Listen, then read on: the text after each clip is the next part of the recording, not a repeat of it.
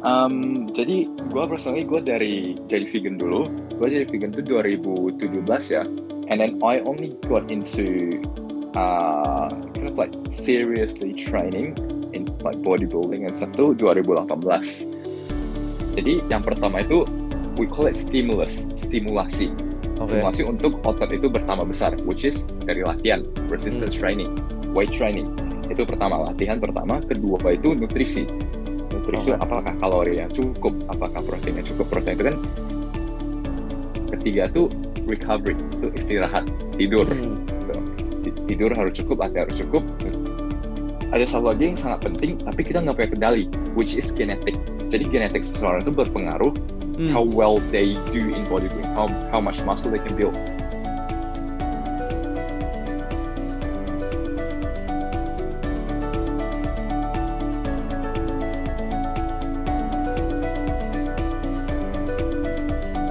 Halo semuanya, selamat datang lagi di podcast Sehat Seutuhnya bersama saya Will Yonas. Kita masih di season yang kedua dan hari ini kita kedatangan uh, bintang tamu narasumber Mike Arkana, seorang vegan bodybuilder uh, yang ini gua kenal di acara Earth Festival uh, di akhir bulan November. Asik banget, seru banget ketemu dia dan akhirnya kenalan. Pengen banget gue undang ke podcast, very inspiring karena dia masih lebih muda dari gua tapi he is very into bodybuilder and very inspiring for myself dan dia juga or- seorang certified personal trainer jadi pengalamannya bukan cuman diri sendiri tapi dia juga ada ilmunya dan udah banyak juga kliennya untuk membantu mereka uh, becoming more healthy Uh, jadi so please welcome Mike what's up Mike Hey Willie, hey guys. Um, thanks for the welcome. Lovely to be here. What a pleasure.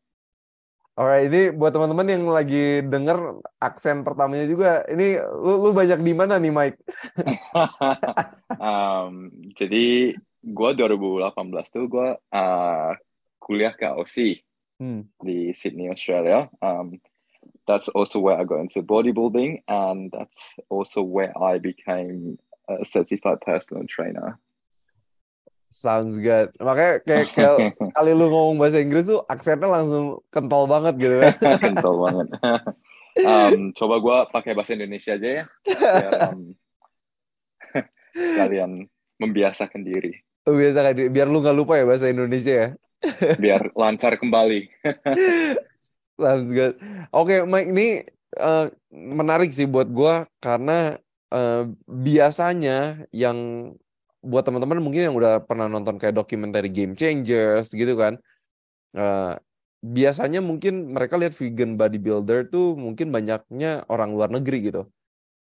Kayaknya gue juga pertama kali sih ketemu orang vegan bodybuilder yang Indonesia gitu. eh, which is lu gitu.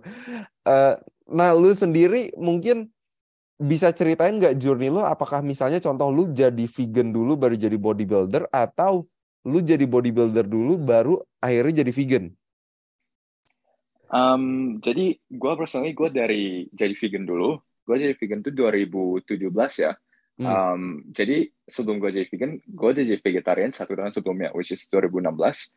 oh Lalu wow 2017, I became a vegan, and then I only got into uh, kind of like seriously training in like bodybuilding and stuff tuh 2018. Jadi um, duluan vegan, baru get into fitness and bodybuilding gitu. hmm I see I see I see oke oke oke nah lu apakah nggak tahu ya kayak what, why are you interested in in bodybuilding gitu any any What do you specific mean? Where reason am I interested? kayak What do you mean? Where am I interested? uh, why why Oh, why am I Yeah. interested? Okay. Um, kayak reasonnya kenapa gue Yeah. into bodybuilding ya? Um, a few reasons. Salah satu yang reason, uh, uh, salah satu reason utamanya pertama, karena gue vegan and um, I care about, gue peduli dengan um, veganism ya, karena gue Yeah. menjadi vegan tuh karena um, gue ngelihat video nyembeli hewan gitu-gitu dan Hmm. uh, I feel bad gitu dan gue mau I wanna do something about it gue mau melakukan sesuatu untuk membuat itu merubah itu kalau bisa gitu which is Hmm. um, which is kenapa gue jadi vegan gitu dan Yeah. um, dan sebagai vegan um, dulu itu gue ingat setiap kali gue um, ngomong sama orang kalau misalnya gue vegan tuh pasti responsnya itu oh lo itu bakal lemes nggak gitu loh lo bakal Right. lemes nggak lo um cause like misconception kan as a vegan you are weak you are um not necessarily unhealthy but like you performance wise strength wise you are weaker. Kayak Hmm. kurus gitu nggak Yeah. bertenaga gitu. Nah um obviously uh that happened to me as well. Um jadi I trying to gue mau um merubah persepsi itu gitu. Jadi um bakal lebih gampang bagi gue untuk spread the uh, the message of um trying to influence people to go vegan gitu. Loh Hmm, right. Itu itu gue gue setuju banget sih ya. Maksudnya ketika dulu pas gue 2013 eh, memutuskan untuk jadi vegetarian dulu, itu kakek nenek gue juga khawatir gitu kan. Nih ini si Willy mau jadi apa gitu, Hmm. udah lemes lah dan lain-lain gitu. Tapi ya lu salah satu proof yang nunjukin kalau vegan gak lemah, vegan bisa punya otot gitu kan. Karena masih banyak ya itu ya orang yang percaya bahwa kayak real man eat meat, kalau misalnya mau punya otot itu harus makan protein hewani gitu. Dan it's just a myth dan sesuatu yang ya it's not right gitu kan. Exactly exactly. Nah lu sendiri kan eh lu di Aussie ya pas mulai nge-gym exercise jadi apa benar-benar fokus pengen jadi bodybuilder juga gitu.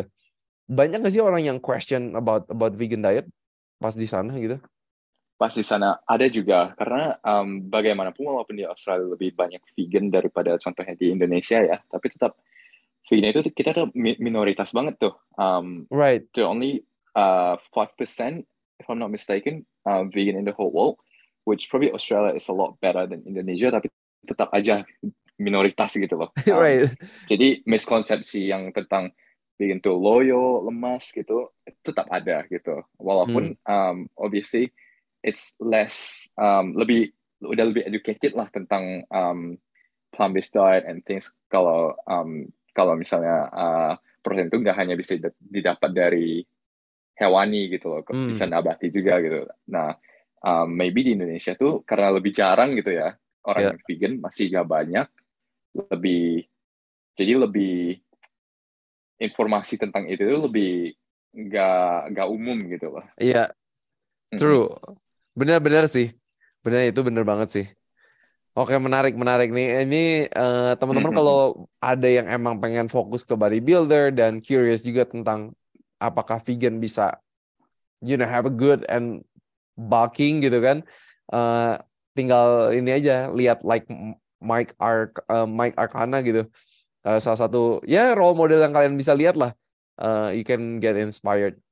Eh, Anyway, ini hari ini kita bakal ngobrolin eh, banyak juga soal gimana sih caranya nambah masa otot gitu. Karena banyak orang yang eh, approach gue juga kayak, oh iya gue pengen exercise gitu, tapi bingung gitu where to start, prinsipnya apa gitu kan untuk menambah masa otot gitu. Nah, rahasianya apa aja sih untuk bisa kita nambah masa otot gitu?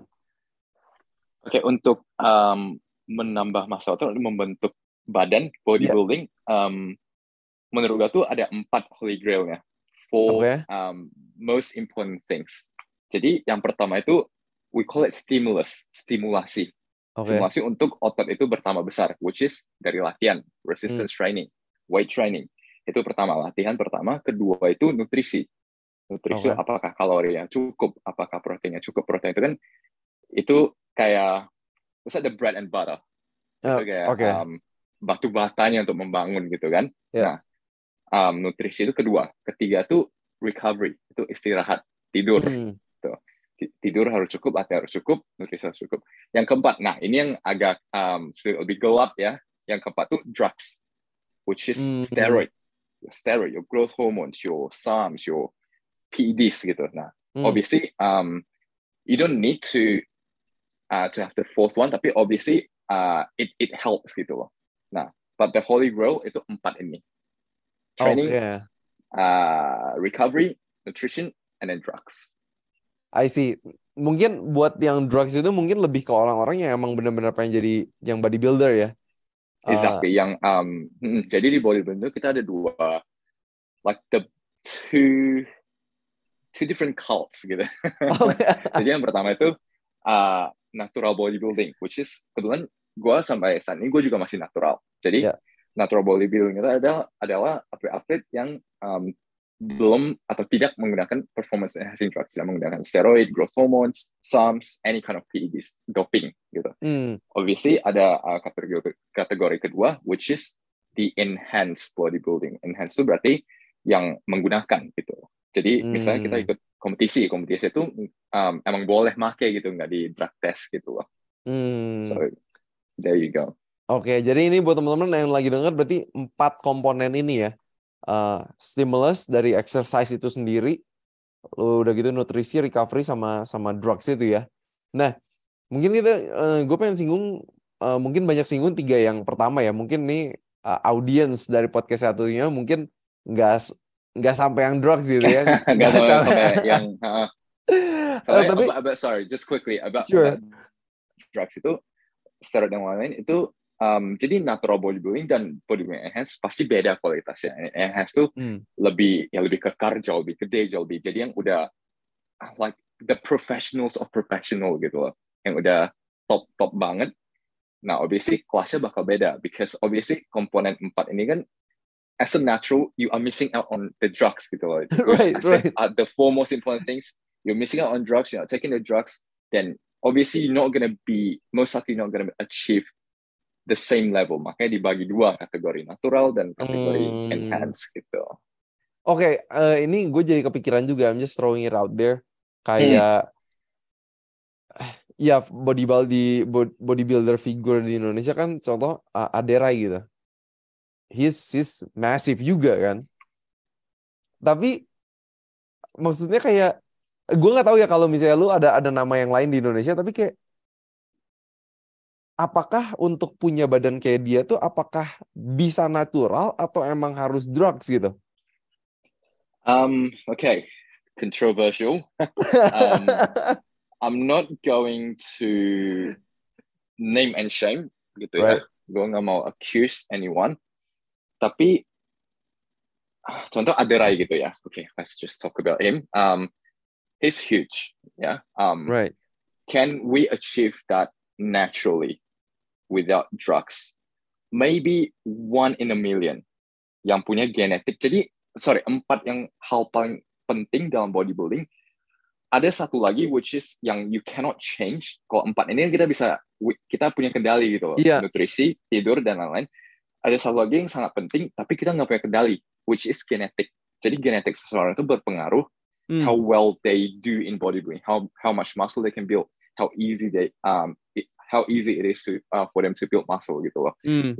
Kalau genetik anda bagus, ya maybe you can. Tapi again, like even no matter how good your genetic is, pasti ada limit gitu loh. Dan unfortunately, um, contoh yang um, lu beri- berikan right, right, right. ada right um that's yeah can you achieve that maybe one in a million if you got like filthy crazy genetics maybe you can get there but for most people Hmm.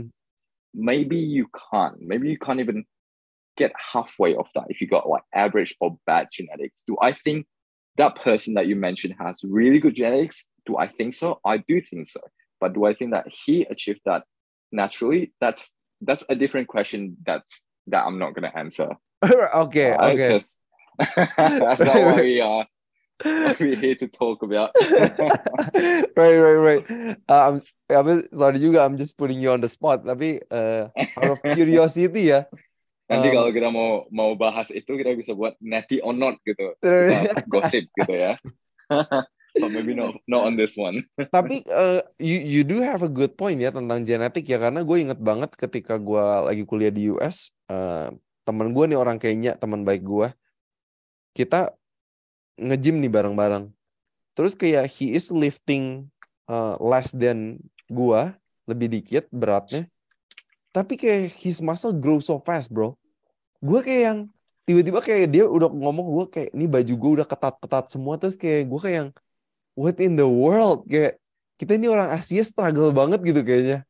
Gak tahu ya kayak exactly exactly it is it is unfair um sangat tidak tidak adil gitu ya Ya. kenapa genetik lu lu dapat bagus gitu kenapa gua um, I don't have that genetics itu. Jadi Hmm. perbedaan genetik ini emang unfair. Um, and that's not that's out of your control gitu. The, the things that you can control itu four things the one that I told you about Right. the four holy grails.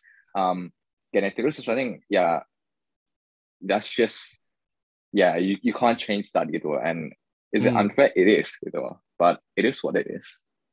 Right, ya, ya kita udah terlahir sebagai orang Asia ya udahlah ya kayak and, Iya and benar that's the gene that you just have to maximize that gitu. Lu um, dengan yang lu ada um, maksimalkan melalui empat itu empat yang gue bilang maksimalkan gitu loh. Right.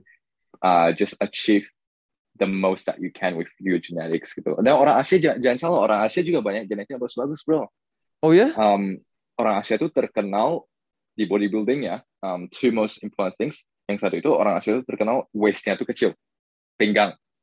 Oh. kan di bodybuilding kita mau pinggang kecil orang Asia itu terkenal pinggangnya kecil kedua tuh legs legs itu banyak orang Asia yang legsnya tuh gila-gila tuh yang emang kakinya tuh gede gitu genetiknya. Wow, menarik ya.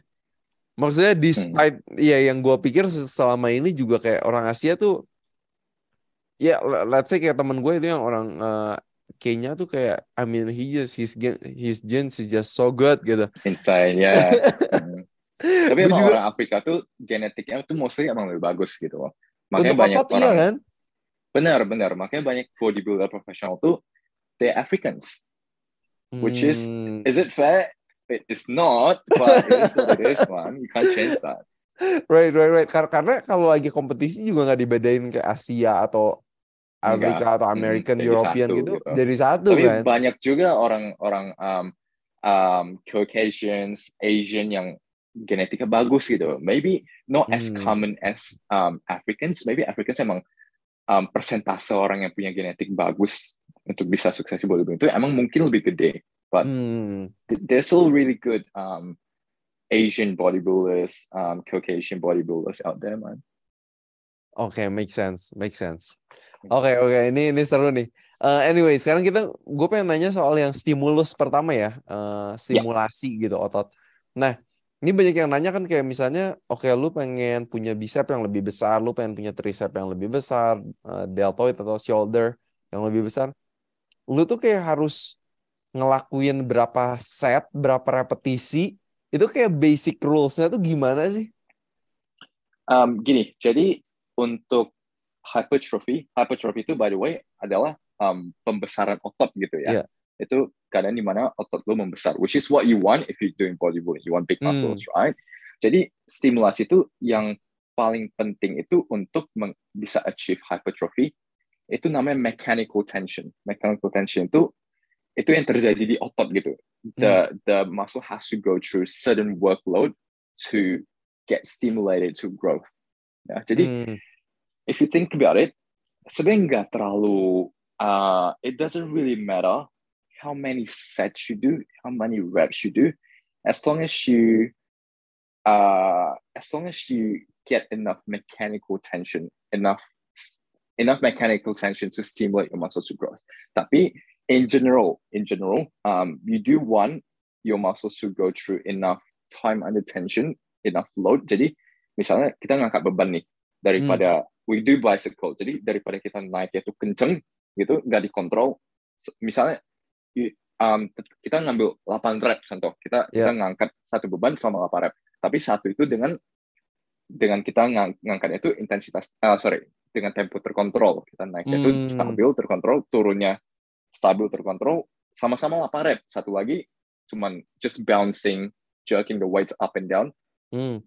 Itu simulasinya tuh di otot tuh bakal beda gitu loh jadi Hmm. um, dengan kita we trying to slow things down do it with good form good tempo control reps you're gonna get more time under tension you're gonna get more mechanical tension on the muscle which will be better to stimulate your growth gitu. so that's Hmm. the main thing to i guess to achieve that hypertrophical not hypertrophical i don't think that's a word to achieve that muscle hypertrophy right jadi Hmm. um tapi in general obviously you don't want to do too many sets as well yang you're gonna have a hard time to recover from so i would say if you want a certain muscle to grow to grow um satu minggu ya dilatih otot itu dua kali each of them do like maybe five to ten good sets yang benar-benar set yang benar-benar you bring the muscle Hmm. to failure, you bring the muscle to work really hard, then those are generally the um effective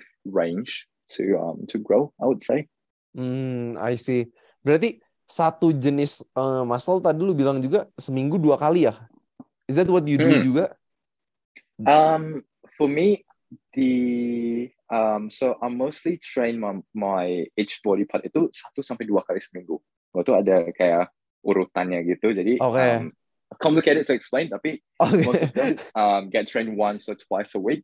Tapi kalau misalnya gue ada certain body parts, certain muscles yang misalnya gue merasa oh ini ini gue I'm lacking in this and I wanna grow it more, gue bisa naikin intensitasnya jadi misalnya dua tiga kali seminggu gitu. And the more you Hmm, uh yeah, the more you train it um most of the time, obviously not to the point of overtraining, right? As long as Right. it's still decent volume. Um normally, yeah, you can play around with that. I see, I see. Oke, ini ini menarik ya teman-teman yang lagi dengar podcast ini bisa mulai kebayang lah ya. Yang penting mechanical tensionnya tadi dari stimulasi yang kita kasih gitu kan. Tadi juga berarti eh, form form ngangkat beban yang benar juga penting ya. Jangan kayak cuman Benar. Asal ngangkat, asal cepet, Iya, asal benar. naik. Padahal badan kita goyang, core-nya nggak dikunci Hmm. gitu kan. Seringkali kan ini kan ya. Ya. Jadi form tuh uh, bakal mempengaruhi dua hal. Satu itu obviously most of the time itu if your form is bad, the tension, the stimulus that you put on a certain muscle will be bad as well. Karena kan bakal menggunakan otot-otot lain untuk otot-otot lain untuk membantu gitu. That's Iya. the first one. Second of all, kalau formnya jelek, your risk of getting injured is a lot higher. Dan kalau Hmm, misalnya anda cedera, anda nggak bakal bisa latihan, anda nggak bakal bisa latihan, ya you're not gonna grow. so exactly. So that's why malah malah atrofi gitu kan ototnya. benar, exactly. Oke oke menarik menarik. Ini, nah eh, orang kan biasanya tuh kan sering kali latihan misalnya eh, chest and tricep, back and bicep gitu kan. Eh, atau misalnya mendingan ada orang yang sistem latihannya tuh kayak full body workout. Misalnya, oh hari ini little bit of chest, eh, sedikit juga latihan otot back, sedikit pull up, sedikit bicep, tricep. Nah itu apakah kayak gitu tuh oke atau not recommended atau atau what what's your thought?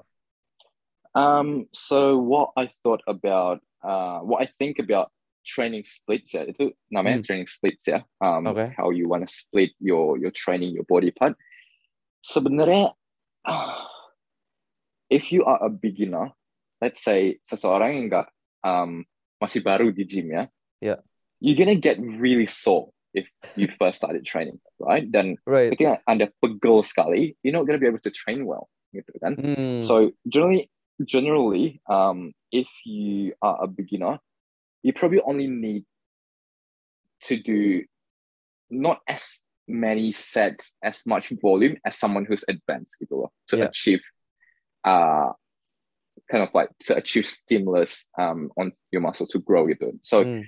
because you don't need as much volume, if you are big, if you are a beginner, then it will make sense for you to train more, train as many um, muscles as you can in uh, in one go. Gitu. Jadi that's why as a beginner it will be be better, maybe more efficient for you to do full body, for example. Karena you don't need to Hmm. do too many sets anyway. Gitu. You might as well just fit in everything and then just just have a rest next day. You're gonna be really sore already, and then you just go again two days after, three days after you gitu. Nah, beda beda kalau misalnya someone who's more advanced. When you are more advanced, um, you're gonna need more volume to grow, right? You're gonna need to do more sets, more intensity. Hmm. Dan maybe kalau misalnya lu latihan, lu latihan itu full body, you're not you're not gonna have enough time to do that many sets. You're not gonna have um enough energy as well, gitu loh. Right. So in terms of split, in terms of split, um, it I would say it depends on your training level. That's the first one. And Hmm. second of all, the most important thing is you want to find something that you can enjoy juga. Gitu. Jadi Right. tergantung dengan time availability. If let's say you are a beginner, dan dari dari yang gue bilang itu, okay, if you're a beginner, it'll be better for you to do full body and fix it. Tapi kalau misalnya anda tidak enjoy training full body, you Yeah. like to train only chest and tricep one day, back another day, then if that makes you happy, if that if that can keep you going long term, if you like it, then Yeah. do that. It's not gonna be the Hmm. end of the world, gitu loh. So I would say training split, it is important in uh in some sense, tapi it's not the most important thing, gitu loh. As long as you can Hmm. keep going, it you enjoy it, you enjoy the training, you can do it for a long time, then you don't really have to follow the textbook approach, gitu loh. Hmm, I see. Oke, I, I really like that ya. Eh, apa? Nggak nggak nggak cookie cutter juga gitu kan untuk kayak oh, Benar. oh lo harus kayak gini gitu kan. Um, terus oke ini ini satu pertanyaan yang mungkin kepikirannya tentang stimulus dan Mhm. mungkin yang banyak orang tanyain gitu kan. Kayak oke gua gue pengen eh, buat cowok gitu kan build my chest nih gitu kan.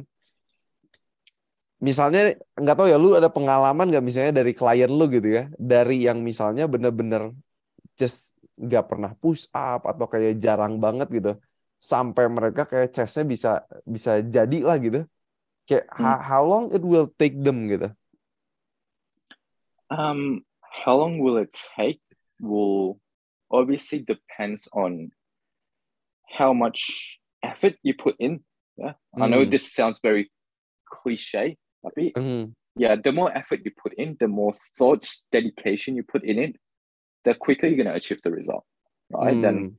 juga um, juga depends on genetics as well. Yang kita Yeah. bahas tadi, when someone So has true. good genetics, you do a little bit, you grow. Some people that got horrible genetics, well, it sucks. It sucks. Tapi, yeah, maybe it would take longer. It would take it would take twice um as long or twice the effort gitu loh. Jadi Hmm. um, when you when you ask how long will, will it take for you to achieve this result and that result, ya sebenarnya tergantung um, what what's your starting point gitu loh, starting point Right. and what's your ending goal gitu, what's your end goal gitu dan and in the mid um in between that, yeah, um, those things that we discuss are just as important, like how much effort you put in to your training, how much effort you put into your sleep, your training intensity, Hmm. um, how are you um how are you eating how are you recovering um those would um those would um impact uh on your progress as well big time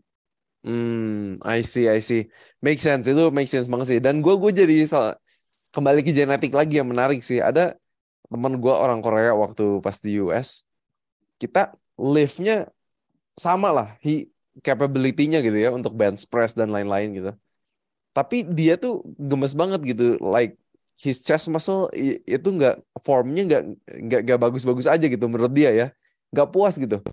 Tapi di satu sisi yang gue lebih ya secara genetik lebih lebih ja- gampang jadi lah ya.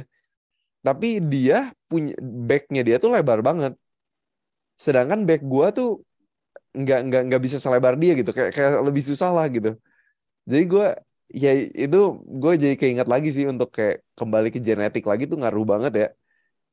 Exactly. Big time. Dan genetik itu juga bukan emang most of the time tuh someone who's got good genetics of back they most likely gonna have good genetics of arms and chest as well. Kayak they come in a package. Tapi ada orang juga yang misalnya seseorang uh, genetik itu bagus di back contoh. Emang Ya. backnya itu kuat naturally naturally good aja gitu. Ada Eh, ada orang um they got good genetics of their let's say legs right? Kayak hmm, um, orang tua itu emang kakinya gede, kakinya kokoh gitu. They got good legs, but they got they got like um, not as good uh, Uh. genetics for their arms gitu dan itu bisa juga gitu loh.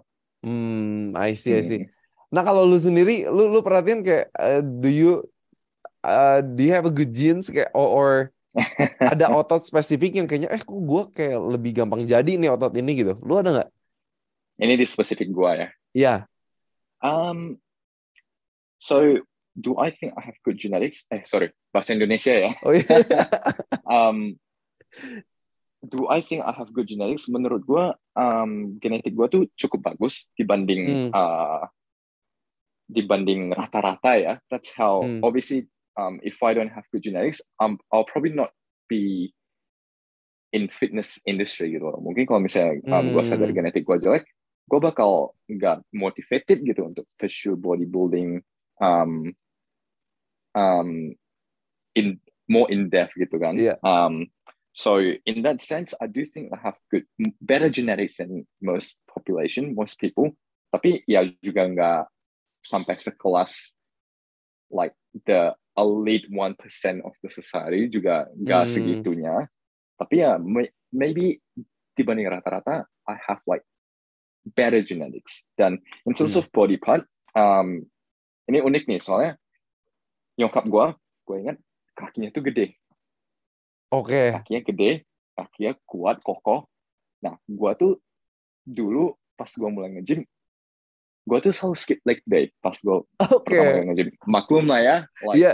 uh, bocah 18 tahun nge-gym kan pasti cuma maunya tuh upper body gitu. Upper kan. body, iya, iya. Tangan, chest, back, tapi pas udah giliran kaki, ah udah males gitu lah. Nah, kaki gue tuh dulu pas gue pertama kali gym, gue jarang latih kaki, tapi kaki gue tuh uh, it grows a lot gitu loh. Nah, dibanding Hmm. orang yang orang yang emang rutin lat- latihan kaki, gue nggak kalah gitu loh. Padahal gue jarang latih. So Oh. from that point, I know that I have good genetics for legs. Obviously now, um, because I'm like more into bodybuilding, I do competitively. Obviously, I have to like train um, and grow each muscle part um, equally gitu ya. Yeah, so I yeah. train legs now as well. Dan sekarang my legs is probably one of my strongest point. Gitu, Because Hmm. have good genetics to start with gitu loh. Um, Oke. In terms of weakness, um, ini spesifik banget gue ya. Iya. Um, I do think that um, I am blessed with uh, good shoulders as well. Jadi badan gue tuh lebar, pinggang Iya. gue kecil. Jadi kayak lurusnya gitu. Tapi I do Hmm. think that the arms contohnya, nah arms gue tuh I'm not as gifted as most competitors yang kompetitor-kompetitor yang um, kelas gue tuh Hmm. um, gen- genetik tangan gue tuh gak sebagus most of them gitu loh. Jadi I need to work Ah. extra on my arms. Makanya contoh that's my weak point. Jadi gue latih arms itu um, every uh, every day itu gue ada I'll do arms. Like contoh hari ini gue um, latihan bicep, besok gue tricep, lusa lagi bicep. Jadi there's always that gitu loh. Just because it's Ah. my weak point. If that is your strong point, you probably don't need to do it as much gitu loh. So kembali lagi itu um, in ya comes back to in the individual gitu. Hmm. Wow, that- that's amazing sih. Tapi ya bagusnya lu, lu udah sadar itu juga ya. Eh, jadi jadi lu tahulah eh, bagian mana yang emang lu perlu latih lebih Lacking. banyak gitu. Mm-mm, benar. Tapi kalau misalnya nggak sampai kompetitif, nggak sampai level yang kompetisi dan lain-lain, Ya. you probably don't need to uh, be that detailed. Right, ya. right, right. Yang penting lu well rounded di di Exactly. semua ototnya lah ya. Kayak Benar. Oke oke men- menarik banget sih itu. Ini buat teman-teman eh, bisa dicatat ya tadi prinsip-prinsip eh, mechanical stimulus, udah gitu juga eh, stimulasinya ya eh, perlu diperhatiin, form juga perlu diper- diperhatiin juga. Eh, dan teman-teman juga tetap harus sadar aja ya ada ada genetik gitu. Makanya kadang gue mikir juga kadang eh, somehow kan kita kan we like to nggak tahu ya mungkin compare ourselves lah ya eh, sama orang lain gitu. Tapi kadang juga kan Hmm. kayak nggak sama banget ya gitu kan ada ada ada fungsi genetiknya juga gitu. Um, although I think it's fine to find inspiration looking at somebody else, tapi kayak kalau kita compare diri kita sama orang lain terus kadang nggak tahu suka frustasi juga nggak sih? Nggak tahu. I, I don't know what about you gitu. Hundred percent, man. I that's a really, really good point that um I bring up a lot as well. Um, to Mm. the people I, I talk to in terms of uh bodybuilding, personal training. Um, pro, how do I say? Your progress and my progress tuh nggak sama gitu. loh. Iya. Um, dan genetik genetik lu, genetik gua tuh berbeda. Um, Hmm. and most likely latihan lu sama latihan gua intensitasnya nutrisi lu, nutrisi gua recovery lu, recovery gua tuh bakal beda banget. Jadi um, Hmm. and you don't even know if the person that you look up to itu are they are they natural? Are they taking any doping, any performance Yeah. enhancing drugs? Are you natural? Are you taking any performance enhancing drugs? So like if you see if you look at um, these people, like the advanced um, bodybuilders and stuff, if you see them as inspiration, um, I guess it's it's valid, right? You want to see Mm. you, you see them, they're like really good. You look at them as inspiration. Fair enough. Tapi if if that affects you in a negative way, Hmm. like cause you body dysmorphia, cause you to uh feel bad, you feel like you're not enough, you feel like uh you feel like you're a failure and things like that, then obviously that's not ideal, right? Jadi Hmm. um kembali lagi uh obviously kalau misalnya ap- apalagi kalau misalnya kompetitif ya like me Yeah. I'm a competitive bodybuilder I have to I have to compete gitu loh dan gue Right. mesti ngeliat lawan-lawan gue gitu loh dan and if they progress I need to make sure that I progress as well biar bisa um compete right? but Right. again that's competitive that's a sports gitu nah kalau misalnya you just do it um as like a journey like a personal journey then it's not going to be healthy for you to compare your progress to other people. Yes, it'll be good to seek motivation from it, to be inspired from it, but don't let that to uh don't let that affect you in a negative way. Gitu. True, true. Setuju banget sih. Itu setuju banget. Oke, ini kita pengen move on ke prinsip yang kedua. Tadi salah, satunya nutrisi. Waduh, itu baru pertama ya. Itu baru pertama. I like, I think this topic is just dalam banget sih. Maksudnya it's You can really go on and on. You can go on and on. apalagi kita maksudnya kita punya interest di di health di kesehatan gitu kan Eh, I mean we can just go and on and on gitu Bisa nyambung terus gitu ya. nah ini kalau soal nutrisi nih eh, kayaknya penekanan untuk eh, grow muscle itu kalau yang pernah gue baca itu eh, protein intake sama kalori. Nah mungkin eh, lu bisa elaborate nggak gimana tuh? Um, jadi in general ya, um, if you are trying to grow muscle, let's say starting point anda itu, um, you are not like fat, you don't carry too Yeah. much body fat, but you're not like excessively lean as well. Jadi normal-normal aja lah, let's say Yeah. 20 to 30% body fat, yang normal doang gitu. Nah, ideally, uh, maybe 30 will be a bit too much, tapi let's say, uh, bring it down. 20% body fat, right? Hmm. You want to make sure, uh, to consume enough calorie. Obviously, if you have too little, uh, can you? Sorry, this is like diving down very deep, but um, I I get a lot of questions. People asking, can you build muscle in a caloric deficit?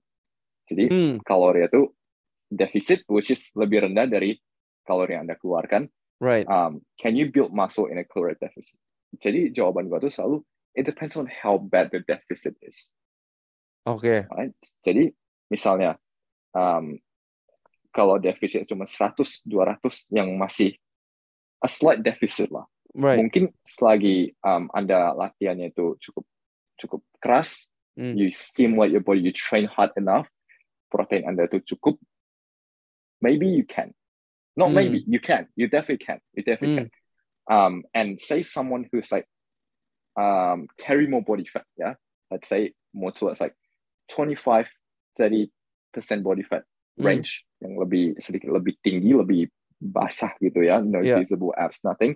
Um, they carry sufficient body fat already, right? Mm. So if they are in deficit, as long as it's not a big, big deficit, it's not a massive deficit, as long as they Uh-huh. train hard enough, they consume uh sorry, they consume enough protein, they can lose muscle and sorry, they can lose fat and build muscle at the same time. Tapi Hmm. again, itu kan semua uh, kayak tergantung individual ya, tergantung um, Right. where you are, depends on uh yeah, depends on where you are, depends on how you do things. Gitu. Tapi Hmm. in general, yes, you do want to make sure you have sufficient amount of calorie. Karena kalau misalnya kalori Anda tuh tidak cukup most of the time ya, we're not talking about advanced scenario scenario. Tapi in general, you do want to make sure kalorinya sufficient biar Anda cukup cukup tenaga untuk bisa latihan gitu. Kalau misalnya right nggak punya nggak ada tenaga, you can't train, you can't train. You know, you're not gonna feel good. You're not gonna be able to train well gitu. loh. Hmm. And if you have enough energy, you can train better. And if you train better, you can stimulate your muscle to grow better. Right? Jadi Hmm. emang yang paling utama itu protein. Protein itu obviously process synthesize. That's what you need to build, to grow. That's what Hmm. your your muscle cell needs to Right. repair and grow, right? So I would say protein number one. Calorie um, depends on individual, tapi Hmm. kalori juga pengaruh gitu loh. Kalau anda you have like really lean body fat, like you are like 10% body fat, itu kan Yeah. udah very low gitu ya. Dan mungkin kalau misalnya anda kalorinya itu tidak cukup, anda defisit, bakal lemas gitu loh. Iya. That's probably why in that scenario, you probably want to make sure that you have a little bit higher calorie, get more Hmm. body fat, so you feel good, so you can train well. Tapi again, tentang kalori itu, I can go on and on. Itu Yeah. tergantung individual gitu loh. True. Tapi in general, as long as your protein is enough, as long as you have enough calorie to train to function well, to to live a normal life, to be Hmm. like to feel good, itu yeah, that's what you need. Right, right. Well, that's that's why you need a PT, right? uh, untuk to help you maksudnya apa ya, guide nge-guide untuk maksudnya dari sisi latihannya, even bisa kasih input juga soal nutrisi. Um, yeah, that's that's why you need them. It would be ideal, it would be ideal. Um, nanti kartu nama gue ya boleh dimunculin Right? di Exactly. podcastnya. For sure. Um, siapa tahu, eh pendengar podcast ada yang emang tertarik, uh, and especially if you are vegan, then then seeking, you know, a vegan PT, cause it will be very interesting ya untuk apa, uh, getting to know your personal experience juga, gimana dapat protein yang cukup dengan uh, apa protein nabati gitu kan. Uh, that's something that people question a lot. so anyway, nanti nanti kita taruh juga di detail deh ya, di detail podcast. Uh, maybe someone who want to reach out to you ya, to to get your help. boleh, boleh. Always open. Alright, ini tentang nutrisi emang detail banget dan personalized. Uh, tapi tadi prinsip generalnya aja ya teman-teman ya untuk uh, untuk to get enough protein is very important dan juga untuk kalori ya. Kalau defisit juga slight defisit it's fine gitu kan, tapi jangan sampai kayak kalau 500 sudah kebanyakan kali ya. Uh, again, depends on your starting point juga sih.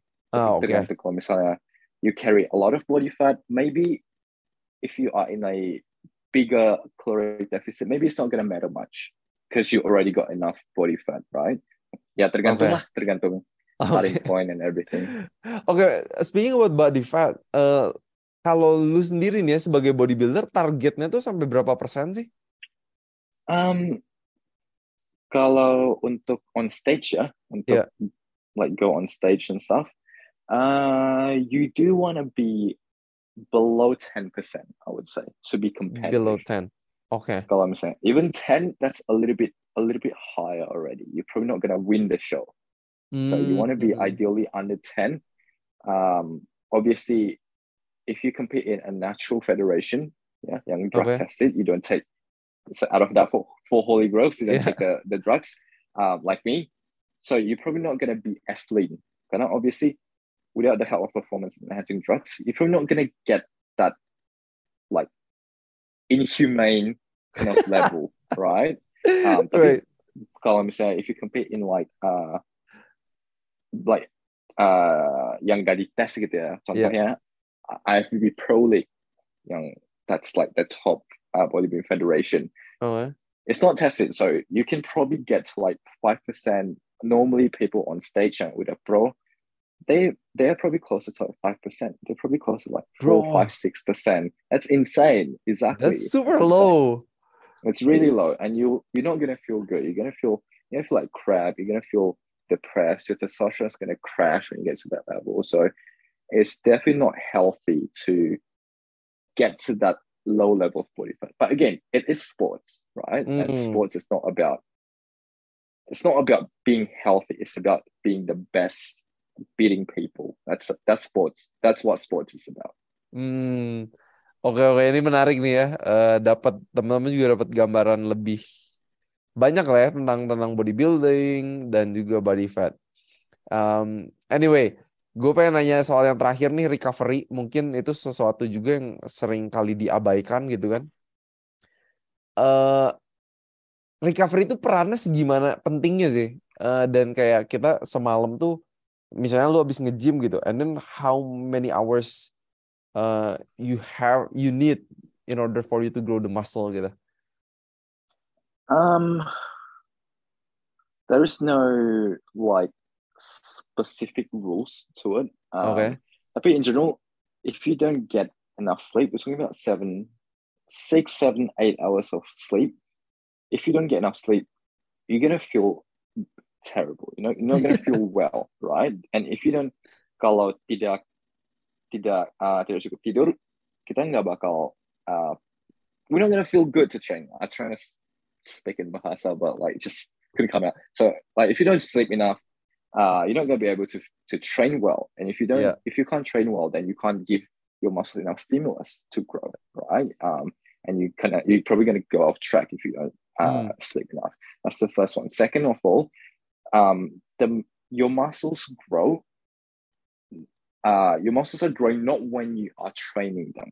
So mm. you're not growing any muscle when you are actually training. You grow muscles when you recover, when you rest, when you sleep.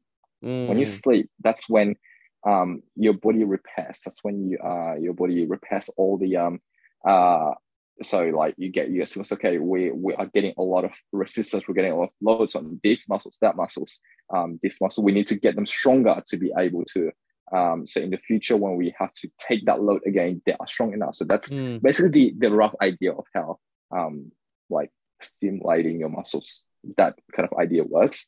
So all that happens when you are resting not when you're training and mm. including sleep as well. So you get like all these um anabolic activity in your body mm. when you sleep, right? So, um, yeah, I would say if you don't sleep enough, first of all, um, you're not getting probably not you're gonna miss out on that. Second of all, you're not gonna be able to train enough again the next day gitu.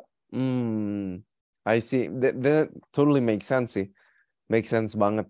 Dan uh, mungkin kalau soal recovery gitu ya, uh, misalnya nih hari ini lu latihan otot chest gitu kan. Nah, hmm. apakah kan misalnya contoh nih ada ada challenge gitu kan 30 200 push up every day gitu for 30 days gitu yeah. kan kan itu kan using the same muscles every day gitu kan. Ya. Yeah. Uh, is it recommended or somehow it's better untuk misalnya kita hari Senin latihan chest udah gitu kasih Selasa istirahat udah gitu baru Rabu lagi misalnya uh, latihan chest ada nggak sih aturannya gitu kayak what's what's best gitu? Look, um, it depends, man. There's no rule to it. Tapi, okay. Um, kembali lagi, what's your goal? What's your goal?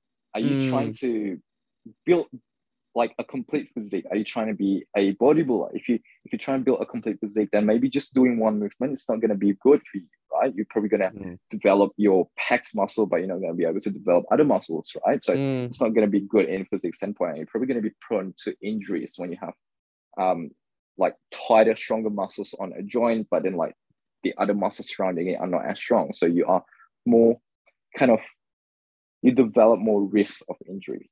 But again, right. that's that's like a completely different story, right? Like it's very detailed, it's very specific. But generally for a general population, for someone who's like never exercised, just want to get fitter, obviously doing push-up, then it's better than not doing anything. so right. it's probably good in that sense, right? Tapi um, is it going to be good for you to do push up every day? Well, if you are new to it, you just want to like, you got no specific goals, you just want to do better than yesterday, then I don't see any problem with that. Tapi in mm. terms of like recovery, in terms of like all this, what the science says about recovery, about um, about like uh, structural as well, like building specific muscles and things. Sorry, building stronger muscles, uh, building one muscle and then not building the other muscles. Maybe mm. it's not ideal in that center point, right? Tapi kayak tergantung goalnya apa. If your goal is just to get fitter rather than not doing anything at all, then doing 10 push-ups is better than nothing. Right, right. So, right. Um, yeah, it's very um, yeah, tergantung lah Iya, iya, iya, iya. Scenario scenario. right, right, right. Gue gue selalu suka sih uh, sebenarnya dengan dengan jawaban it depends ya. Karena soal kesehatan, soal badan kita tuh kayak itu tuh bukan matematika satu tambah satu selalu sama dengan Gak ada dua gitu kan. Exactly gitu. Jadi like it may works for me but it may works differently for you gitu kan. Jadi Exactly. ya itu sih ya. Eh, ini juga buat teman-teman eh, mungkin dengar ini tuh jangan jadi bingung eh, dengan jawaban it depends tuh emang emang bener-bener tergantung gitu. Eh, gue cuma gak mau menyesatkan doang gitu loh. That's why I say it depends. I know it doesn't sound nice, it doesn't sound interesting, it doesn't sound right. marketable. Um, gak kayak kan enaknya tuh kalau misalnya ada rumus gitu kita tinggal Iya. ngikuti wah ini this is gonna work, but reality is that's not how it works gitu. Um, Right. and um and I just if I cannot help, I just don't want to make it worse. If that makes sense. Kalau Right. gue nggak bisa ngebantu lu dengan dengan advice yang uh, gue kasih, at least uh, gue nggak mau menyesatkan gitu. Yeah. That's why I always say it depends, it depends, it depends. Right. Because like I give you different scenarios, see which one you think you fit in, and Hmm. then you follow that uh, strategy for that advice. But there's no it- like there's no one way doang gitu loh. Right. Different ways. Right, that's so true. Uh, jadi teman-teman semoga ini juga apa ya, ya educate um, kita semua lah ya, bahwa soal kesehatan itu bukan nggak kayak cookie cutter yang kayak it works for me and it, it will work for you gitu.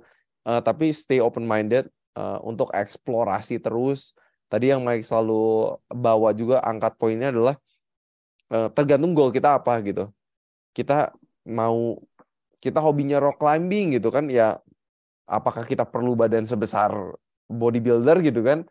Probably not gitu karena kan kita butuh kayak yang lebih lean dan lain-lain. Jadi memang eh, exercise-nya juga akan berbeda gitu strukturnya dan tujuannya eh, dari pola makannya dari jumlah protein yang dimakannya itu akan akan beda banget juga Um, so teman-teman tadi perhatiin eh, tiga topik itu ya uh, tiga poin yang paling penting banget dari stimulasinya, stimulasi otot kita, uh, udah gitu dari nutrisinya, dari recovery-nya itu semua perlu diperhatikan untuk menumbuhkan otot kita atau hypertrophy ya, uh, membesarkan otot kita juga atau grow. What about the drugs, man?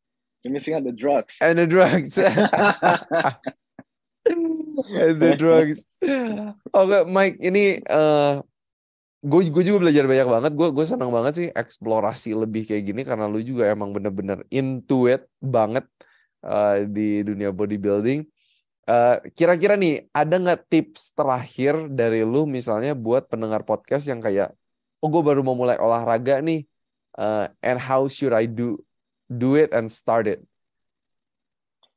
Um, kalau ada satu saran um, untuk pemula ya yang baru Yeah. mau mulai exercising, mulai get into fitness, um, jangan takut salah gitu loh.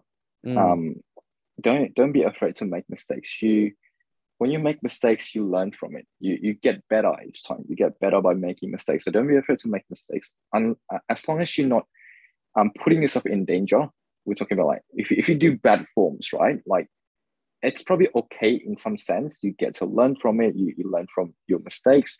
Long not like putting yourself in danger and things like that, it's fine, right? Yeah. Um, so don't be afraid to make mistakes and don't um, get confused. So like when when if you listen to the things that I say, right? Oh, it depends, it depends, it depends. Don't get confused by it, right? Mm. Like just um yeah, just don't don't get confused from it. You're gonna you're gonna you're gonna hear different things from different people. So Mm. just just um use your I guess you should I, I know it doesn't sound very nice, but use your common sense. Just just um use your common sense to kind of figure out, okay, um, this one might work for me. This one might not be the best approach. This one might not be, this one might not work for me and things. And just, you know, do trial and errors. Just, Hmm. but just, um, if you are like, you've never been to the gym, you've never like exercised before, just get started. That's like the, the first step that you have to do, right? Like, Right. there's no there's no other ways from it. You just gotta take the first step. So again, doing something's better than not doing anything. So if you can only do like like um if you can't go to the gym, if you never exercise, doing like 10 squats, 10 push-ups, 10 sit-ups a day will be better than not doing anything at all. So just get started. And then from there you're gonna you're gonna build up from there, and then just see Hmm. how you go. Really. Sounds good. Ini buat teman-teman banget yang udah tahu nih olahraga tuh bagus tapi kayak masih mager, masih kayak aduh males banget gitu untuk Takut mulai. salah gitu. Iya. Atau enggak kadang emang orang apalagi kadang kita kayak yang baru banget ke gym terus ngelihat orang-orang yang kayak uh udah udah ngangkatnya berapa kilo gitu kan kita kita minder banget gitu kadang kan. Tapi ya start where you are gitu dan dan it's fine gitu. Semua orang juga pasti mulai dari titik yang sama gitu kan. Benar. Benar. You're gonna So- make mistakes, but good thing is when you make mistakes, you learn from it. Right. And be kind to yourself juga ya, jangan jadi kayak yang apa? Aduh kok gue gini ya, kok gue gini jadi kayak Hmm. Anyway, Mike, kalau misalnya teman-teman dari yang podcast sehat seutuhnya ini ada yang pengen reach out ke lu, eh, Instagram lu apa? And and yeah, it's time to tell more how can people reach out to you. Um, Instagram gue itu Mike Arkana, um, handle-nya um, at Mike M I K E Arkana A R K A N A.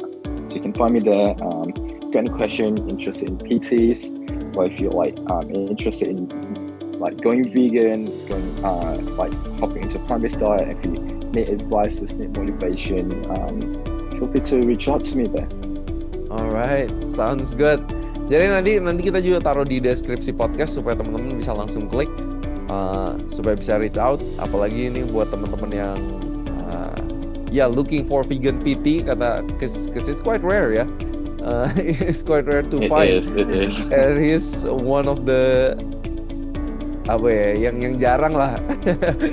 so Mike, thank you banget udah udah sharing di podcast sehat seutuhnya. Uh, semoga teman-teman bisa belajar sesuatu, mendapatkan sesuatu, motivasi lagi untuk mulai yuk olahraga. Karena uh, ini satu satu yang pernah gue bahas juga di salah satu podcast gue pentingnya punya masa otot.